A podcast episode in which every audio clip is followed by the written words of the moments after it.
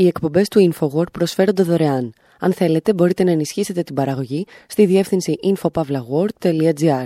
Η διεύθυνση infopavlagor.gr. Η εκπομπή InfoWord με τον Άρη Χατζηστεφάνου.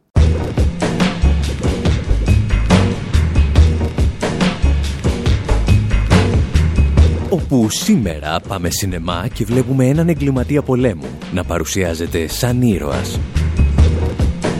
Αναρωτιόμαστε αν θα μπορούσαμε ποτέ να συγχωρέσουμε τον Χίτλερ για την ευγονική, για τα στρατόπεδα συγκέντρωσης και για τον λοιμό της Αθήνας. Και ύστερα σκεφτόμαστε, αφού δεν συγχωρούμε τον Χίτλερ, γιατί το κάνουμε για τον Τσόρτσιλ. Σε αυτό το ταξίδι ζητάμε τη βοήθεια του David Bowie, ο οποίος με τη σειρά του απευθύνεται στους Cure, ενώ οι Manic Street Preachers κρατάνε συντροφιά στους Blair. Πριν σας πάμε όμως σινεμά για να δούμε την ταινία «Η πιο σκοτεινή ώρα» για τη ζωή του Τσόρτσιλ, θα σας πάμε σε μια σκοτεινή συναυλία, τον Iron Maiden.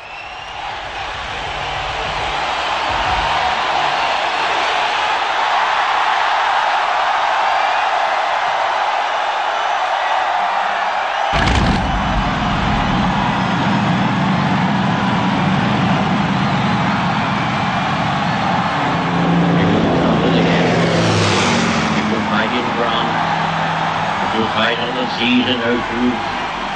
We could fight with growing confidence and growing strength in the air, which will defend our island, whatever the cost may be. We could fight on the beaches, we could fight on the landing ground, we could fight in the fields and in the streets, we could fight in the hills.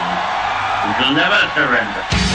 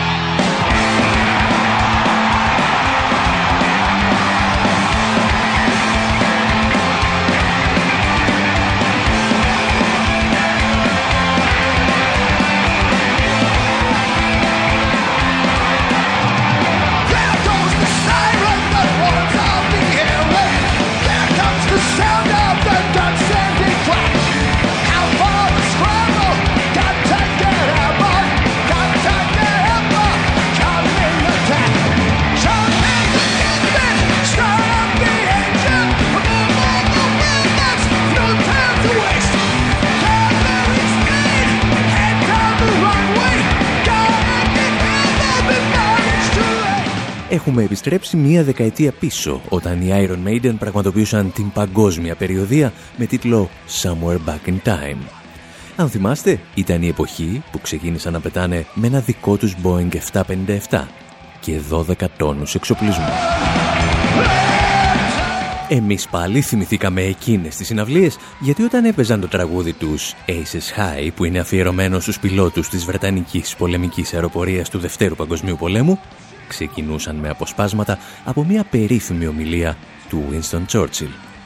Αυτή που λέει θα πολεμήσουμε στις παραλίες, θα πολεμήσουμε στους λόφους αλλά και στους δρόμους.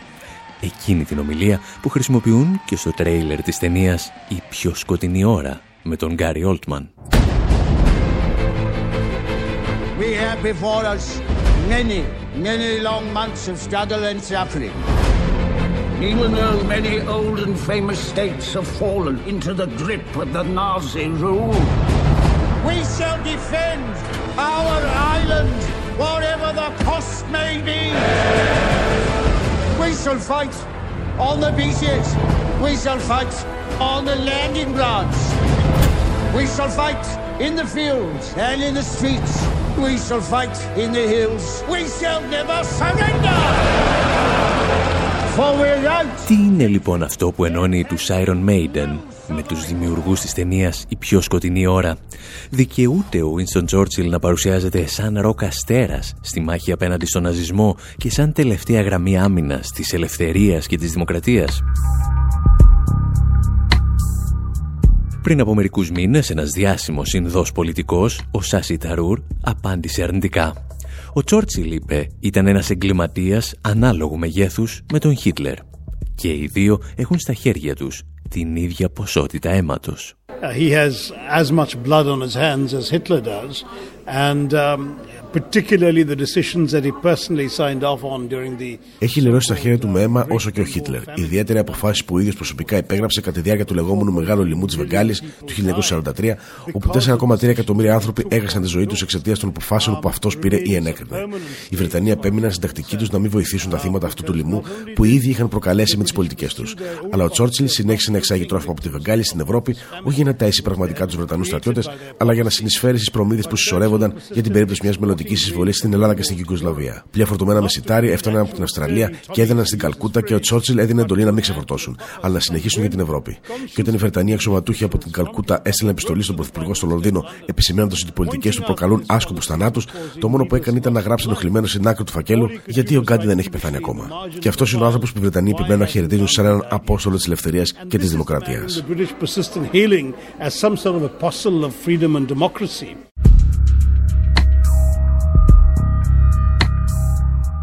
Αν έχετε δει φωτογραφίες από το λοιμό της Βαγγάλης, θα θυμάστε τα χιλιάδες σκελετωμένα πτώματα που γίνονταν τροφή για τους γήπες. Ίσως να έχετε ακούσει και για τους γονείς που έπνιγαν τα παιδιά τους σε ποτάμια για να τα γλιτώσουν από τον αργό θάνατο της ασυτείας. Και όλα αυτά, σύμφωνα με τον Σάσι Ταρούρ, έγιναν με μια υπογραφή του Winston Churchill. Εδώ βέβαια θα μπορούσε κάποιος να ισχυριστεί ότι στις συνθήκες πολέμου και προκειμένου να κερδίσει τον φασισμό, ο Τσόρτσιλ ίσως να μην είχε άλλη επιλογή. Από το να αφήσει δηλαδή τουλάχιστον 4 εκατομμύρια ανθρώπους να πεθάνουν. Εμείς πάλι θα ισχυριστούμε ότι ο Τσόρτσιλ ίσως τελικά να μην διέφερε και τόσο από τον Χίτλερ. Και το γεγονός ότι βρέθηκαν σε αντίθετα στρατόπεδα να μην ήταν δική τους επιλογή ήταν μάλλον μια απόφαση της Βρετανικής και της Γερμανικής αστικής τάξης της εποχής. Και θα ξεκινήσουμε να μιλάμε για τις ομοιότητες και τις διαφορές των δύο ανδρών με μια μικρή βοήθεια από τους Manic Street Preachers.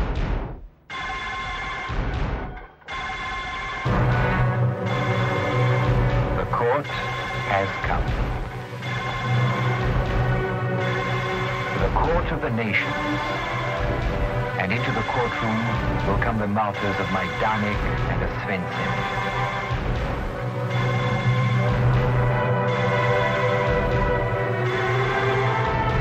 From the ditch of Kerch, the dead will rise. They will rise from the graves. They will rise from the flames, bringing with them the acrid smoke and the deathly odor of scorched and martyred blood. Too will come stern and merciless. The butchers had no pity on them. Now the victim will judge the butchers. Today the tear of the child is the judge. The grief of the mother is the prosecutor.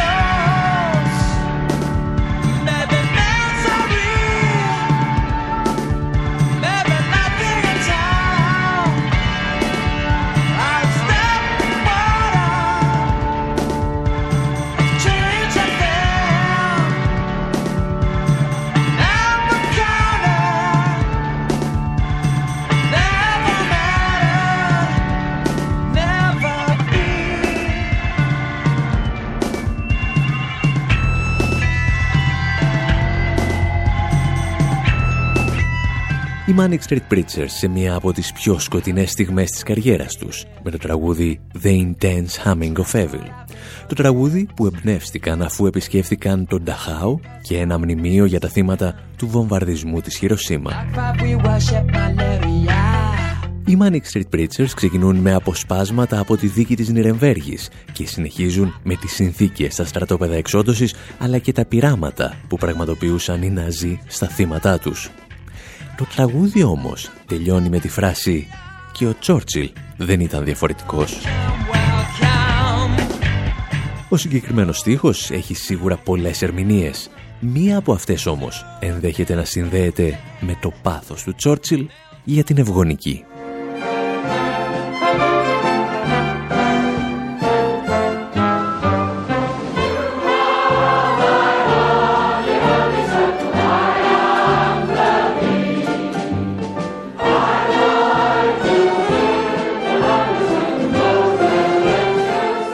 Το 1912, ενώ οι συνομιλικοί του ξεφάντωναν στα Βρετανικά Music Hall, εμείς συναντάμε τον Τσόρτσιλ στο Διεθνές Συνέδριο Ευγονικής, που πραγματοποιεί η Βρετανική Εταιρεία Ευγονικής στο Λονδίνο. Θέμα, η ανάγκη επιβολής ενός προγράμματος κοινωνικού δαρβινισμού, ώστε οι διανοητικά ασθενέστεροι να μην μολύνουν τα ανώτερα στρώματα της κοινωνίας. Ένα χρόνο νωρίτερα μάλιστα ο Τσόρτσιλ είχε στείλει επιστολή στον Βρετανό Πρωθυπουργό στην οποία μεταξύ άλλων του έλεγε «Η αναπαραγωγή των διανοητικά ασθενέστερων αποτελεί τρομακτικό κίνδυνο για τη φυλή μας». Αυτό που δεν έλεγε ο Τσόρτσιλ είναι ότι η αναπαραγωγή των ασθενέστερων μπορεί να ανατραπεί είτε με στήρωση είτε με εξόντωση ή με συνδυασμό των δύο προηγούμενων μεθόδων. Όλα αυτά συμβαίνουν, να μην ξεχνάμε, δύο δεκαετίες πριν από την άνοδο του Χίτλερ στην εξουσία. Προφανώς ούτε ο Τσόρτσιλ ούτε ο Χίτλερ προωθούσαν την ευγονική απλώς για την κακή τους στην καρδιά. Ήταν μια απέτηση του οικονομικού συστήματος, το οποίο και οι δύο είχαν ορκιστεί να υπηρετούν. Μας τα εξηγούσε όμως πολύ καλύτερα ο καθηγητής Γιώργος Μαργαρίτης, μιλώντας στο ντοκιμαντέρ «Φασισμός ΑΕ». Όταν άρχισε η κουβέντα για την ευγονική στη Γερμανία, η κουβέντα άρχισε με πάρα πολύ απλό τρόπο. Ότι για να δούμε τον, ε, τα, τα οικονομικά των νοσοκομείων, τα οικονομικά του συστήματος υγείας. Υπάρχουν μερικές κατηγορίες ασθενών, οι χρόνιοι ασθενείς, οι πνευματικά ανάπηροι, οι άνθρωποι, τα άτομα με ειδικές ανάγκες, τα οποία κοστίζουν υπερβολικά στο σύστημα υγείας. Και πολύ σοβαρά, σιγά σιγά, από αυτή την πρώτη κουβέντα, φτάνει στο ζήτημα, τους αφήνεις στην τύχη τους και αμέσως μετά στο ζήτημα ότι τους σκοτώνεις κιόλας. Πράγμα το οποίο η ευγονική, μάλιστα είναι καταπληκτικό, δεν αρχίζει στη Γερμανία του Χίτλερ, αρχίζει στη Σουηδία. Και πολύ γρήγορα με την ευθανασία περνάει στη Γερμανία. Το 1939 έχουμε το πρώτο κύμα μαζικής θανάτωσης ανθρώπων με σύνδρομο Down ή με άλλες ασθένειες εκφυλιστικές, ας πούμε, και ούτω καθεξής. Ε, δεν ευρισκόμαστε ακόμη έτσι στη, αλλά η συζήτηση αρχίζει και προχωράει σε αυτή την κατεύθυνση. Ο Χίτλερ όπως και ο Τσόρτσιλ λοιπόν στηρίζουν την ευγονική γιατί αυτό απαιτούσε στην εποχή τους το κυρίαρχο οικονομικό σύστημα. Και ο ίδιος γνώμονας θα οδηγήσει πολλές ακόμη από τις αποφάσεις του Βρετανού Εθνάρχη. Εμείς πάλι θα θυμηθούμε και μερικές ακόμη σκέψεις του για τους ανθρώπους. Και χρειαζόμαστε γι' αυτό μια βοήθεια από τους Μπλερ.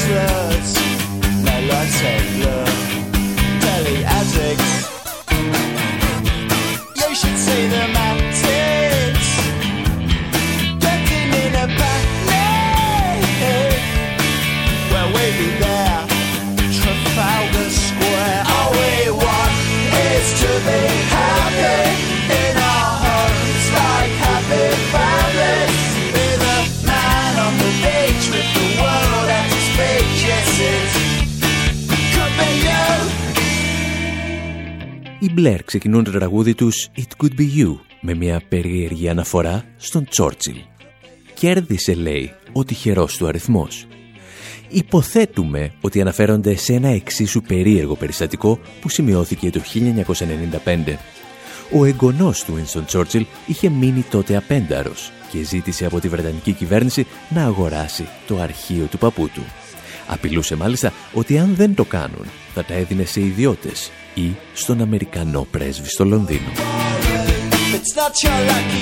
Τελικά η Βρετανική κυβέρνηση ενέδωσε και του έδωσε 12 εκατομμύρια στερλίνες, τα οποία πήρε από το Ταμείο του Βρετανικού Λότο. Και αυτός ακριβώς είναι ο τυχερός αριθμός για τον οποίο τραγουδούσαν οι Μπλερ. Από αυτό το αρχείο και άλλες αφηγήσεις μάθαμε πολλά για το ποιος πραγματικά ήταν ο Τσόρτσιλ Μάθαμε λόγου χάρη ότι παρομοίαζε τους Παλαιστίνιους με σκυλιά και δήλωνε ότι η γενοκτονία 100 εκατομμυρίων Ινδιάνων της Αμερικής ήταν απόλυτα φυσιολογική. Τα εξηγούσε πριν από μερικά χρόνια η μεγάλη Ινδή συγγραφέας Αρουντάτη Ρόι. In 1937, Winston Churchill said of the Palestinians, I quote, το 1937, ο Winston Churchill είπε για τους Παλαιστίνιους «Δεν αναγνωρίζω ότι έχουν το δικαίωμα να ζουν εδώ. Όπως δεν αναγνωρίζω, για παράδειγμα, ότι έγινε μεγάλο κακό στους Ινδιάνους της Αμερικής ή στους Μαύρους της Αυστραλίας. Δεν αναγνωρίζω ότι έγινε κακό σε αυτούς τους ανθρώπους, επειδή μια ισχυρότερη φυλή, μια φυλή ανώτερης τάξης, μια πιο έμπειρη φυλή, ήρθε και τους πήρε τα εδάφη.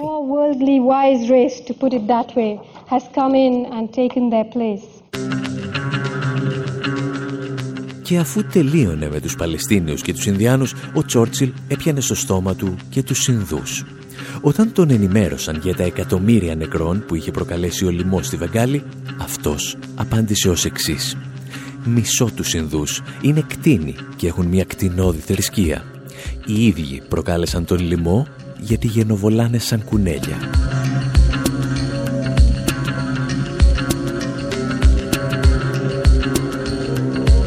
Τα αρχεία που είναι σήμερα διαθέσιμα για τον Winston Churchill δεν δείχνουν απλώς έναν απάνθρωπο πολιτικό που μιλούσε υποτιμητικά για ανθρώπους τους οποίους θεωρούσε φιλετικά ή ταξικά κατώτερους.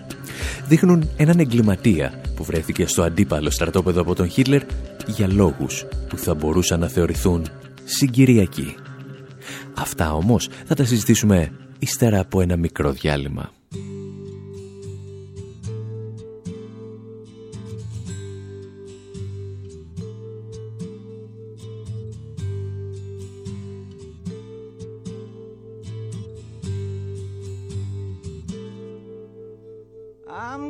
Closer to the golden dawn.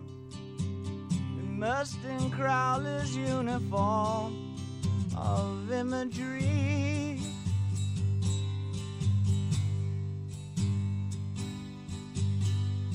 I'm living in a silent film, portraying Himmler's sacred realm of dream reality.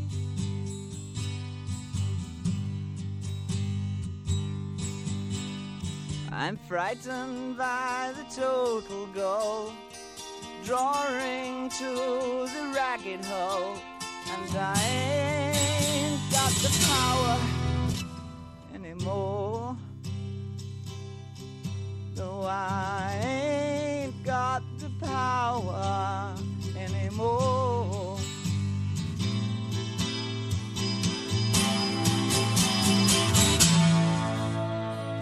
the twisted name on Garbo's eyes. living proof of Churchill's lies and destiny.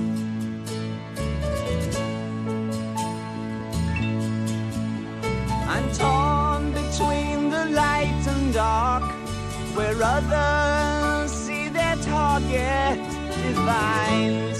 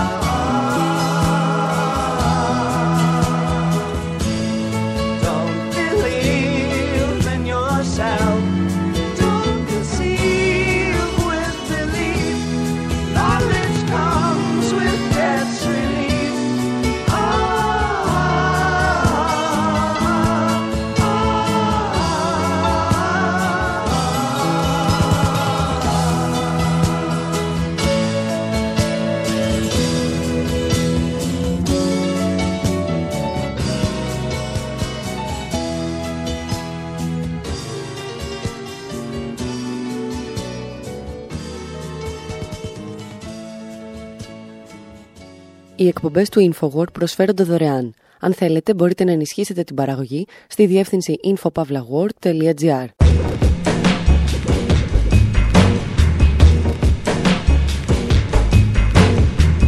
Εκπομπή InfoWord, μέρος δεύτερο. Όπου με αφορμή την κυκλοφορία της ταινίας «Η πιο σκοτεινή ώρα» για τον Winston Churchill αναρωτιόμαστε γιατί τιμούμε σαν ήρωα έναν από τους μεγαλύτερους εγκληματίες πολέμου του 20ου αιώνα. Συγκεντρώνουμε τις σκέψεις που έχουμε παρουσιάσει για τον Churchill εδώ και μία δεκαετία και θυμόμαστε τον Βρετανό πολιτικό να ρίχνει χημικά στη Σοβιετική Ένωση, να προετοιμάζει πραξικοπήματα στο Ιράν και να εξυμνεί τον Χίτλερ και τον Μουσολίνι. Θυμόμαστε επίσης ότι η επίσημη ιστορία προτιμά να παραλείπει αυτά τα εγκλήματα και να συγκρατεί ανούσια και συχνά ψεύτικα τσιτάτα.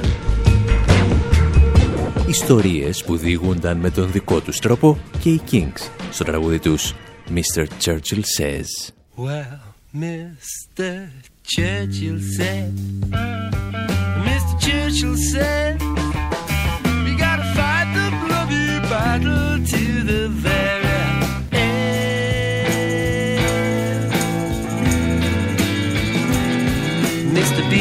Said, we save our tin. And all the garden gates and empty cans are gonna make us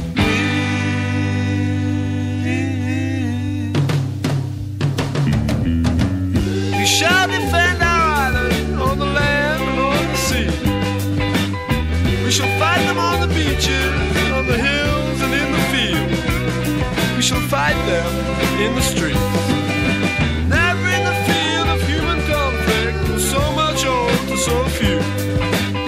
Made our British Empire a better place for me and you. And this was their finest hour. But Miss Montgomery says, and Miss Mountbatten says, we gotta fight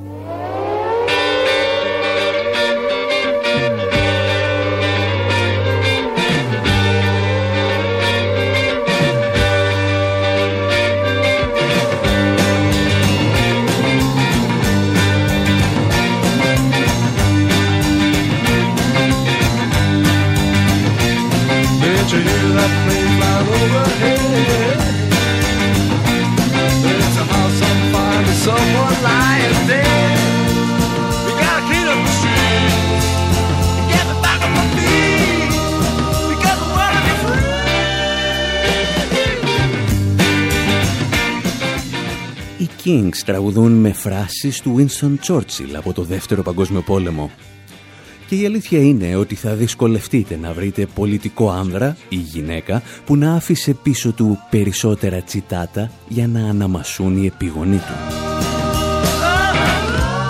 Το πρόβλημα και πάλι είναι ότι αρκετές από τις φράσεις που αποδίδονται κατά διαστήματα στον Τσόρτσιλ δεν υπόθηκαν ποτέ από αυτόν.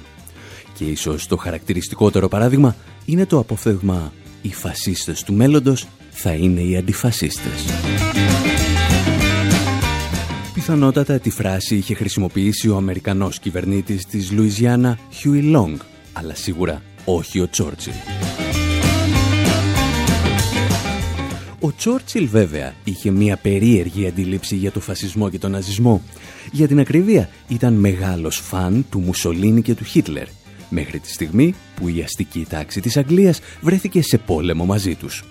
Μας τα εξηγούσε ο Τάρι Καλή στην πρώτη παρουσίαση του ντοκιμαντέρ μας «Φασισμός ΑΕ» στο Λονδίνο. If you look at what Churchill wrote about Mussolini, Αν δείτε τι έγραφε ο Τσόρτσιλ για τον Μουσολίνη, θα πάθετε σοκ. Τώρα τον αποκαλούν ήρωα του Δευτέρου Παγκοσμίου Πολέμου, αλλά ο ίδιος θεωρούσε τον Μουσολίνη σαν την καλύτερη επιλογή απέναντι στην επανάσταση των Πολσεβίκων και την αριστερά γενικότερα. Και το έλεγε μέχρι το 1939. Σε άλλα κείμενά του, που επανεκδίδονται τώρα, ο Τσόρτσιλ εξυμνεί τον Χίτλερ. Όχι δηλαδή μόνο τον Μουσολίνη, που θεωρείται από ορισμένους πιο μαλακός φασίστας. Έλεγε συγκεκριμένα ότι αν ποτέ η Βρετανία βρισκόταν σε μια κατάσταση όπως αυτή που βρέθηκε η Γερμανία μετά τη συνθήκη των Βερσαλιών, η καλύτερη λύση θα ήταν ένας πολιτικός σαν τον Χίτλερ. Έκανε μάλιστα πολύ θετική κριτική και για το βιβλίο Ο Αγών μου του Χίτλερ. Κατά την άποψή μου, λοιπόν, είναι ανόητο να διαχωρίζουμε τον φασισμό από τον κυρίαρχο συντηρητισμό. Η σύνδεση είναι εμφανής και αυτό πρέπει να το επισημάνουμε γιατί οι οικονομικές συνθήκες θα επιδεινωθούν και δεν θα βελτιωθούν. Because, you know, the conditions are going to deteriorate. They're not going to get better economically.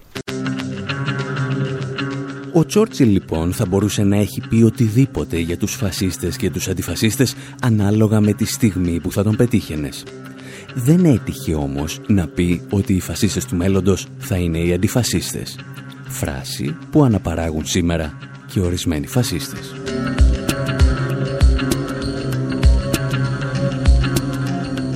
Ο Winston Churchill, λοιπόν, ο μεγάλος θαυμαστής του Χίτλερ και του Μουσολίνη, θα μείνει στην ιστορία σαν εχθρός του φασισμού και του ναζισμού. Μετά το Δεύτερο Παγκόσμιο Πόλεμο, μάλιστα, έχει το θράσος να εμφανιστεί στο Βρετανικό Κοινοβούλιο και να πει «Εγώ σας τα έλεγα για τον Χίτλερ και δεν με ακούγατε». Μια ιστορική ομιλία στην οποία θα αποδείξει και ποιος ήταν πάντα ο αληθινός του εχθρός. Η Σοβιετική Ένωση. Last time I saw it all coming. I cried aloud to my own fellow countrymen and to the world, but, but no one paid any attention. Up till the year 1933, τελευταία φορά που τα είδα όλα αυτά να έρχονται και φώναζα σε όλους τους συμπατριώτες μου και στον κόσμο, κανείς δεν έδωσε σημασία.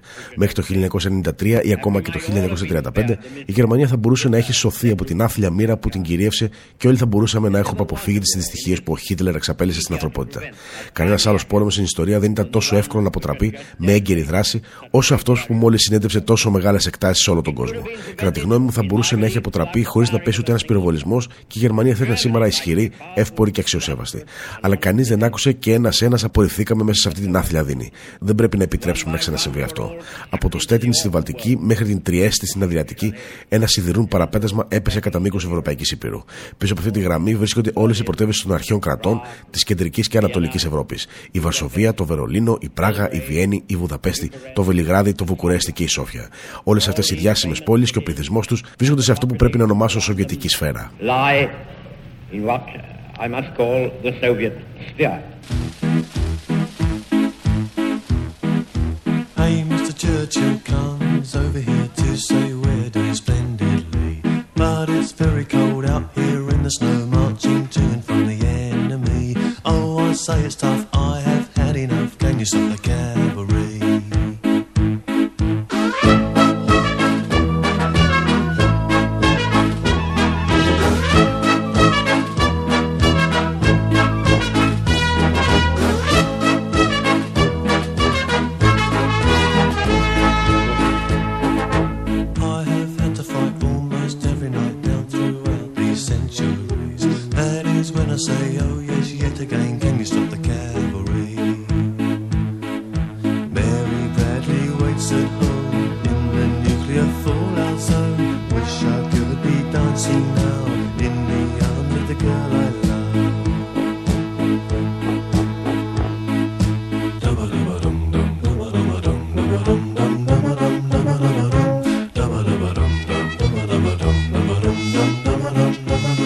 Στην εκπομπή Infowar με τον Άρη Χατζηστεφάνου διηγούμαστε ιστορίες για τον Winston Churchill. Και έχουμε φτάσει στο σημείο όπου ο Τζόνα Λιούι τον θυμάται σε ένα από τα αντιπολεμικά τραγούδια του. Κύριε Τσόρτσιλ, του λέει, για περάστε και από εδώ να μας πείτε ότι όλα είναι υπέροχα. Στο βίντεο κλιπ, ο Λιούι εμφανίζεται εντυμένος Βρετανός στρατιώτης του Πρώτου Παγκοσμίου Πολέμου και δηλώνει ότι θα εγκατέλειπε αμέσως το μέτωπο για να περάσει τα Χριστούγεννα με την καλή του. Ο Πρώτος Παγκόσμιος Πόλεμος έχει μια ιδιαίτερη σημασία για τη ζωή του Winston Churchill γιατί ως υπουργός πολέμου μετατράπηκε σε έναν από τους πρώτους εγκληματίες πολέμου του 20ου αιώνα. Τα λέγαμε, αν θυμάστε, στο αφιέρωμά μας για τα χημικά όπλα.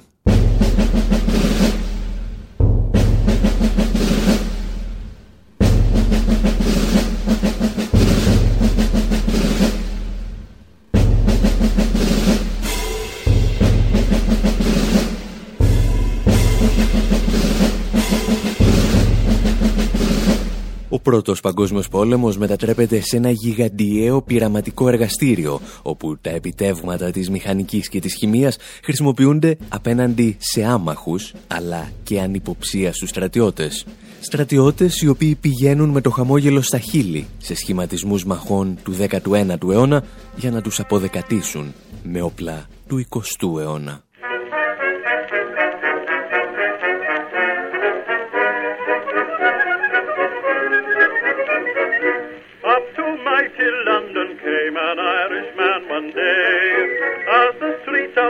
With gold, sure everyone was gay.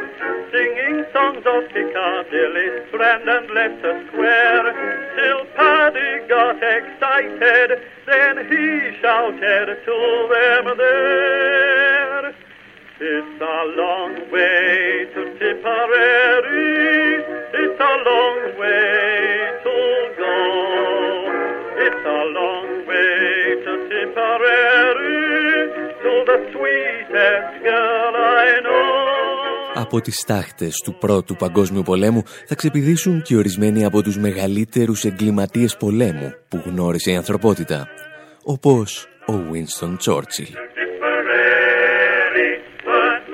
Δεν καταλαβαίνω, έλεγε ο Τσόρτσιλ, γιατί να μην μπορούμε να χρησιμοποιήσουμε μερικά όπλα που απλώς θα κάνουν τους αντιπάλους μας να φτερνίζονται.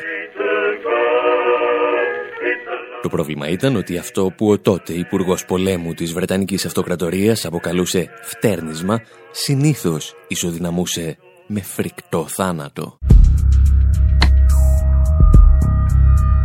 Ο Βρετανός εγκληματίας πολέμου είχε την ευκαιρία να δοκιμάσει τα χημικά όπλα της Μεγάλης Βρετανίας όταν οι δυτικές δυνάμεις εισέβαλαν στη Σοβιετική Ένωση το 1919 για να καταστήλουν τη Ρωσική Επανάσταση. Αν θυμάστε, ήταν η εποχή που στείλαμε και εμείς περίπου 23.000 στρατιώτες υπό τις διαταγές του βαβαρού στρατηγού Κωνσταντίνου Νίδερ, ο οποίος στη συνέχεια έγινε και δεξί χέρι του δικτάτορα Θεόδωρου Πάγκαλου. Για να επιστρέψουμε όμως στην ιστορία μας, ο Τσόρτσιλ, που το 1919 ήταν υπουργός πολέμου, γιατί οι κυβερνήσεις ήταν τότε σοβαρές και δεν ονόμαζαν τα υπουργεία Υπουργεία Άμυνας αποφάσισε να χρησιμοποιήσει ένα αέριο που είχαν αναπτύξει οι Ηνωμένες Πολιτείες για τον Πρώτο Παγκόσμιο Πόλεμο. Και το όνομα αυτού διφενιλοαμινοχλωροαρσίνη που, αν δεν σας πειράζει, στο εξής θα την ονομάζουμε απλώς DM. Ο Τσόρτσιλ θα στείλει 50.000 βλήματα με DM στη Ρωσία και θα αρχίσει να βομβαρδίζει χωριά που βρίσκονταν υπό τον έλεγχο των Πολσεβίκων. Τα θύματα άρχιζαν να ξερνούν αίμα και ύστερα από λίγα λεπτά έπεφταν ανέστητα στο έδαφος.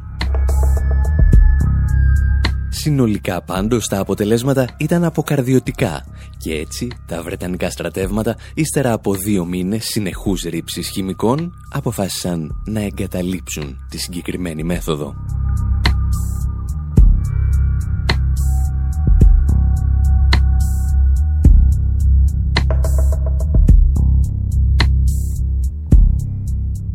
Εδώ στο Infowar με τον Άρη Χατζηστεφάνου συζητάμε για σκοτεινές στιγμές στη ζωή του Winston Churchill με αφορμή την προβολή της ταινίας «Η πιο σκοτεινή ώρα» με τον Γκάρι Όλτμαν. Οι περισσότεροι σήμερα θυμούνται τον Τσόρτσιλ σαν έναν από τους νικητές του Δευτέρου Παγκοσμίου Πολέμου. Στην πραγματικότητα, η πολιτική του σταδιοδρομία ακολούθησε την παρακμή του Ηνωμένου Βασιλείου Μπήκε στα πολιτικά πράγματα όταν το Λονδίνο ήταν πρωτεύουσα μιας αυτοκρατορίας και πέθανε όταν ήταν μια χώρα της Ευρώπης χωρίς ικανότητα να παρεμβαίνει στις διεθνείς εξελίξεις. Και ίσως η χαρακτηριστικότερη απόδειξη αυτής της παρακμής ήταν ότι το Λονδίνο δεν μπορούσε να οργανώσει από μόνο του ούτε ένα πραξικόπημα της προκοπής.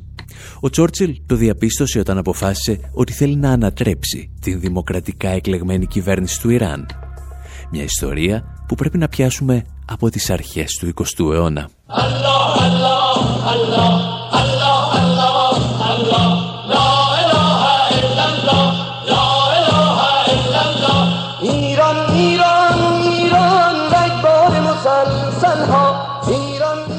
επιστρέψει στο 1908. Ένας Βρετανός γεωλόγος που επισκέπτεται την Τεχεράνη αισθάνεται μια ισχυρή δόνηση στο έδαφος. Και ύστερα από μερικά δευτερόλεπτα, ένας μαύρος πίδακας ύψους 5 μέτρων ξεπροβάλλει μπροστά του. Από εκείνο το πρωινό του 1908, όταν ανακαλύφθηκαν τα πρώτα κοιτάσματα πετρελαίου, η ιστορία της Περσίας θα βαφτεί πολλές φορές στο αίμα των κατοίκων της. Το Ιράν θα γνωρίσει από την πρώτη στιγμή τι σημαίνει να εκμεταλλεύονται ξένες υπερδυνάμεις τις πλουτοπαραγωγικές σου πηγές. Ο αναλυτής και συγγραφέας Στεφεν Κίνζερ, το New York Times, εξηγούσε ότι η Βρετανική Αυτοκρατορία έζησε τις τελευταίες ημέρες του μεγαλείου της χάρη στο πετρέλαιο του Ιράν. Ας μην ξεχνάμε ότι όλο το πετρέλαιο που τροφοδοτούσε την Αγγλία τις δεκαετίες του 20, του 30 και του 40 ερχόταν από το Ιράν. Το βιωτικό επίπεδο που απολάμβαναν οι Άγγλοι οφείλεται στο ιρανικό πετρέλαιο, καθώς το Λονδίνο δεν είχε απικίες με πετρέλαιο. Κάθε εργοστάσιο, κάθε φορτηγό και κάθε ταξί κινούνταν χάρη στο ιρανικό πετρέλαιο. Ακόμη και το βασιλικό πολεμικό ναυτικό που πραγματοποιούσε προβολή της Βρετανικής ισχύω σε ολόκληρο τον κόσμο λειτουργούσε κατά 100% με πετρέλαιο από το Ιράν.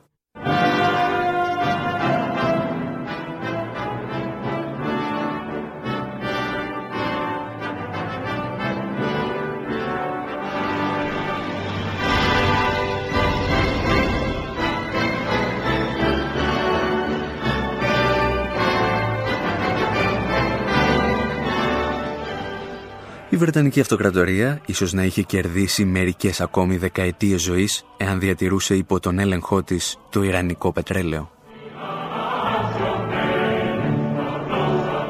Λαβωμένη όμως από το Δεύτερο Παγκόσμιο Πόλεμο, είδε να καταλαμβάνει την εξουσία στην Τεχεράνη αυτός εδώ ο κύριος.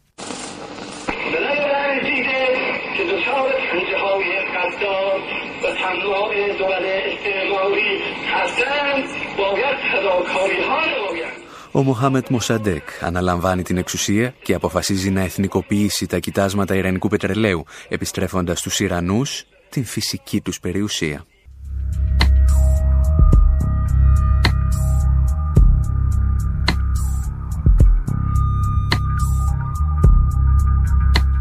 Ο Τσόρτσιλ απαντά κηρύσσοντας διπλωματικό πόλεμο, επιβάλλει εμπάργκο και προσπαθεί να οδηγήσει την Τεχεράνη σε διεθνή δικαστήρια.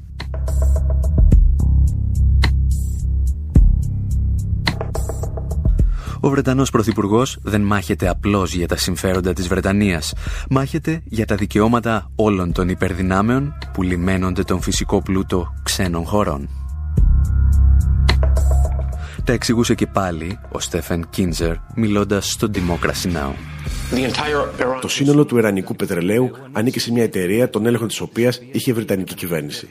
Λεγόταν Anglo-Iranian Petroleum και στη συνέχεια μετονομάστηκε σε British Petroleum, δηλαδή BP. Προσωπικά πραγματοποιώ ένα ατομικό εμπάρκο στην εταιρεία. Όχι βέβαια ότι η Shell είναι ηθικά καλύτερη. Απλώς κάθε φορά που περνάω έξω από ένα πρατήριο, αισθάνομαι ένα χρέος απέναντι στο Mossadegh.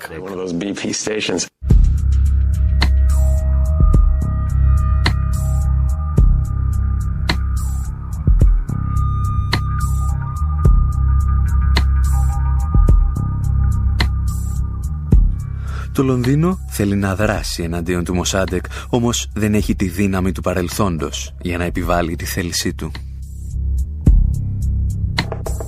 Θα χρειαστεί λοιπόν να ζητήσει τη βοήθεια του πραγματικού νικητή του Δευτέρου Παγκοσμίου Πολέμου, των Ηνωμένων Πολιτειών.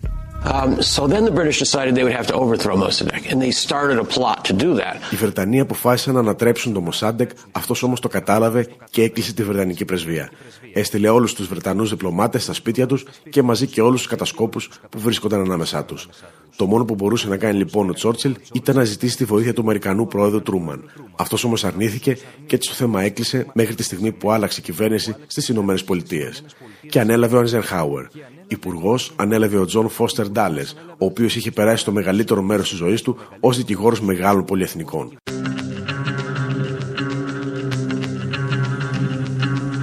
Κάπου εδώ όμως με ιστορίες για τον Winston Churchill λέμε να σας αφήσουμε και για αυτή την εβδομάδα. Από τον Άρη Χατζηστεφάνου στο μικρόφωνο, την Μυρτώ Σιμεωνίδου στις μεταφράσεις και τον Δημήτρη Σαθόπουλο στην τεχνική επιμέλεια. Γεια σας και χαρά σας.